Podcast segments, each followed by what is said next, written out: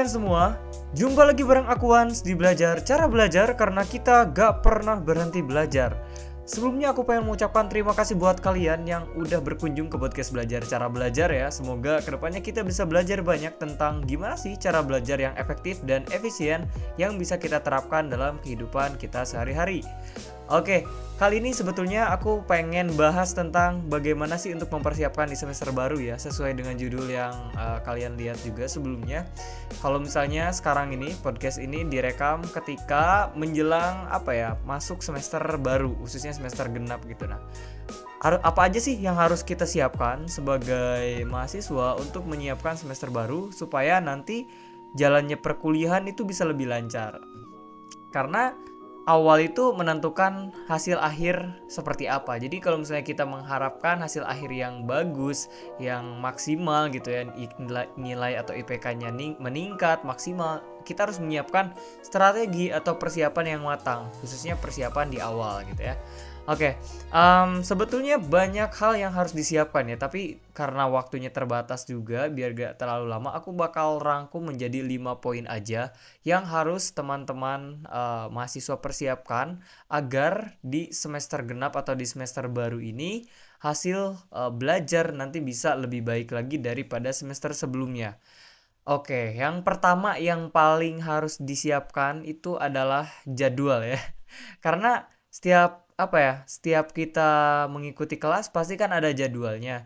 Dan sebetulnya memang sudah tersedia ya di akun kampus masing-masing. Tapi saran aku coba untuk di apa ya di copy atau dibikin ulang di Google Calendar. Karena supaya ada notifikasinya gitu ya. Manfaatnya ketika kita mindahin jadwal ke Google Calendar nanti ketika kita lupa atau mungkin kita uh, apa ya istilahnya ya kelupaan kelas atau bisa aja kan nah itu kita dikasih notifikasi gitu ya lewat Google lewat email terus juga uh, pokoknya notifikasinya itu bisa masuk ke laptop kita ke HP kita jadi kita gak bakal mudah lupa sama jadwal kelas dan ya gak telat juga gitu ya Nah ini salah satu hal yang penting untuk dilakukan pertama kali gitu ya. Jadi pada saat kita udah ngisi IRS, uh, eh, maksudnya bukan pertama kali ini ya. Jadi penting lah untuk mengawali suatu perkuliahan yaitu bikin jadwal kelas. Kalau misalnya masih ada kelas online ya kita siapin juga link mana yang harus kita masuki. Kalau offline misalnya tempatnya di gedung apa gitu kan, di ruangan seperti apa gitu. Nah, itu harus benar-benar disiapkan.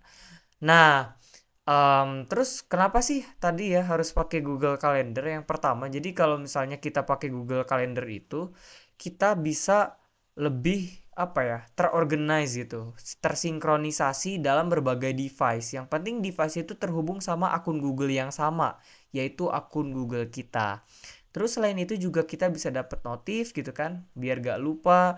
Terus juga gak ribet pakainya karena banyak tutorialnya. Kalau misalnya bingung bisa lihat tutorial di YouTube. Banyak banget gitu ya yang dibahas sama Simple TVT sama ah pokoknya uh, kalian bisa riset-riset sendiri nanti di YouTube gitu ya. Kalau misalnya bingung gimana cara pakai Google Calendar.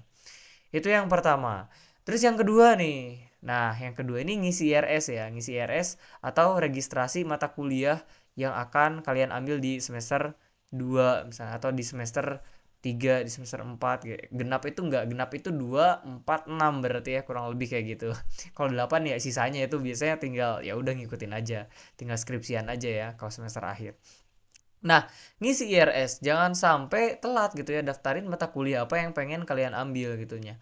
Nah, jadwalnya ini setiap kampus tuh beda-beda gitu ya. Ada yang uh, ngisi RS-nya dibatasi satu minggu, ada yang cuma tiga hari. Pokoknya pada saat jadwal untuk pengisian IRS, usahakan jangan sampai telat. Jadi, biar gak telat, ya silahkan cek di website kampus yang masing-masing gitu ya. Karena nanti ribet kalau misalnya telat ngisi IRS. Uh, eh, banyaklah masalahnya gitu ya. Jadi, jangan sampai telat usahain. Oke? Dan itu yang kedua sebenarnya cukup simple tapi ya kadang ada yang lupa juga gitu belum ngisi IRS terus belum disetujui sama apa sih sama pembimbing akademiknya. Nah, itu kalau misalnya terkendala ya bisa hubungi pembimbing akademik kalian gitu ya. Pembimbing akademik itu ya kalau misalnya di SMA tuh atau di SMP ya kayak wali kelas gitu ya. Tapi bedanya ya uh, ini buat mahasiswa gitu ya. Ya buat kalian yang mahasiswa baru mungkin yang belum tahu istilahnya ya itu kurang lebih seperti itu. Oke, itu yang kedua ya. Yang ketiga nih yang paling penting ya. Ini pemanasan gitu. Jadi um, karena kita udah libur nih ceritanya, terus mungkin ya kita intensi belajarnya berkurang nggak kayak pas waktu masuk gitu ya. Jadi penting untuk pemanasan lagi. Nah pemanasan ini bisa dalam hal apa pun sebenarnya ya. Tapi yang ditekankan di sini adalah pemanasan otak mungkin.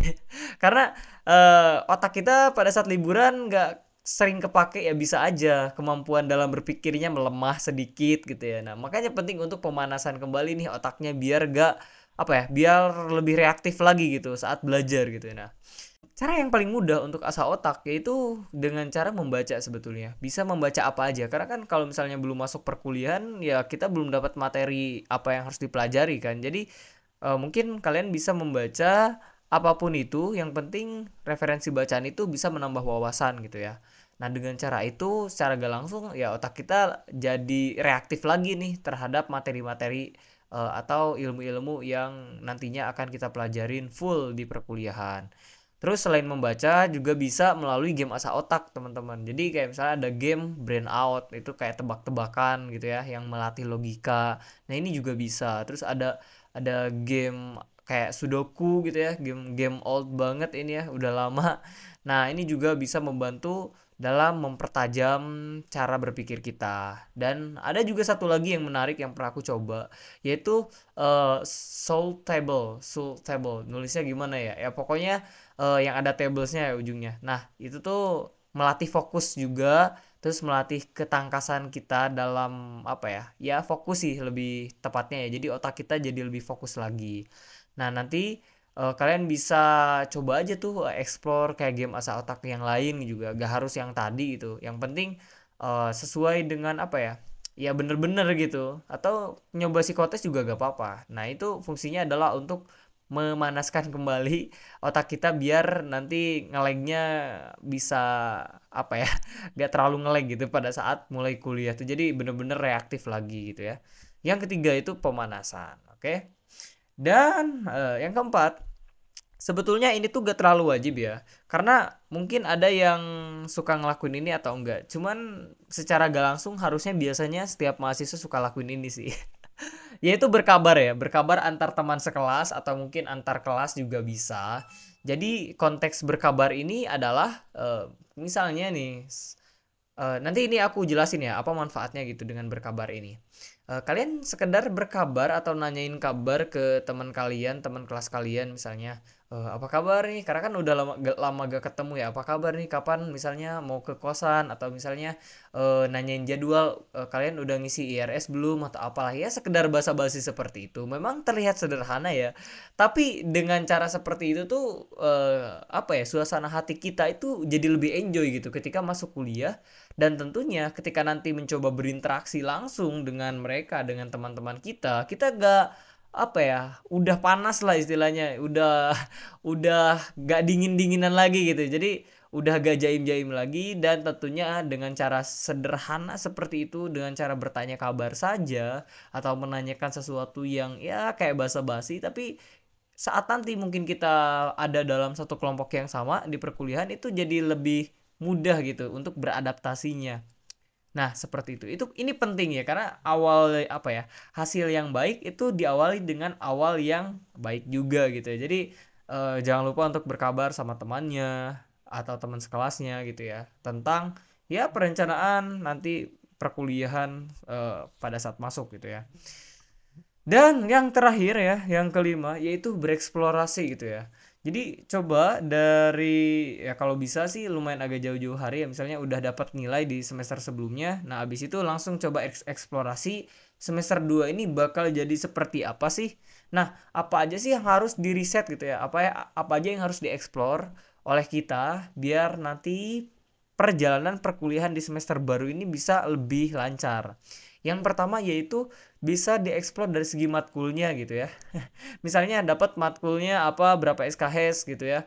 Nah, kira-kira uh, secara garis besar matkul ini tuh bakal belajar apa aja sih? Bahas apa aja sih? Nah, itu yang harus kita cari tahu nih ya. Nah, banyak cara sih untuk nyari tahunya. Bisa kita search di internet doang atau kita tanya ke kakak tingkat atau cutting gitu ya. Nah, ini juga berkaitan sama uh, karakter dosen gitu ya. Jadi selain riset tentang matkulnya apa uh, kita juga kalau bisa ya kita riset-riset tentang uh, karakteristik atau ya karakter dari masing-masing dosen di matkul tersebut. Caranya yang paling ampuh ya tanya kakak tingkat gitu ya atau cutting karena mereka kan udah pernah belajar sama uh, dosen yang bersangkutan. Jadi kalau kalian memiliki relasi atau networking dengan cutting-cutting misalnya yang satu organisasi atau satu kepanitiaan ya coba dimanfaatkan ya untuk tanya-tanya bagaimana karakter dosen ini supaya kita bisa lebih memaksimalkan nilai di ya, di perkuliahan nanti gitu ya di semester yang baru. Nah, terus uh, saat eksplorasi juga uh, apa ya? Coba riset lagi atau apa ya tentu kalau bisa kalau bisa ya rencanakan mau sekelompok sama siapa aja gitu. Nanti untuk matkul ini matkul ini matkul ini. Biar apa? Biar nanti kita bisa kerjasama dengan baik gitu ya. Pada saat ngerja kerja kerjain tugas kelompok. Karena kalau misalnya uh, apalagi di jurusan yang kalian mungkin ada yang sering kerja kelompoknya banget gitu ya. Hampir setiap saat tuh kelompokan terus tugasnya itu ada yang mungkin banyak individunya. Nah khusus buat yang sering tugas kelompokan pada saat kuliahnya bener-bener aku rekomendasiin pilih temen yang bener-bener bisa diajak apa ya kerjasama dalam hal akademis gitu ya.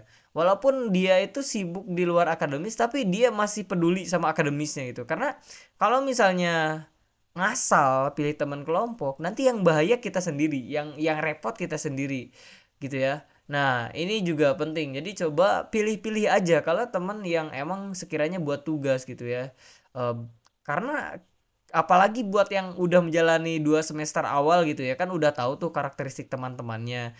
Jadi harus bener-bener lah milih temen jangan sampai salah target.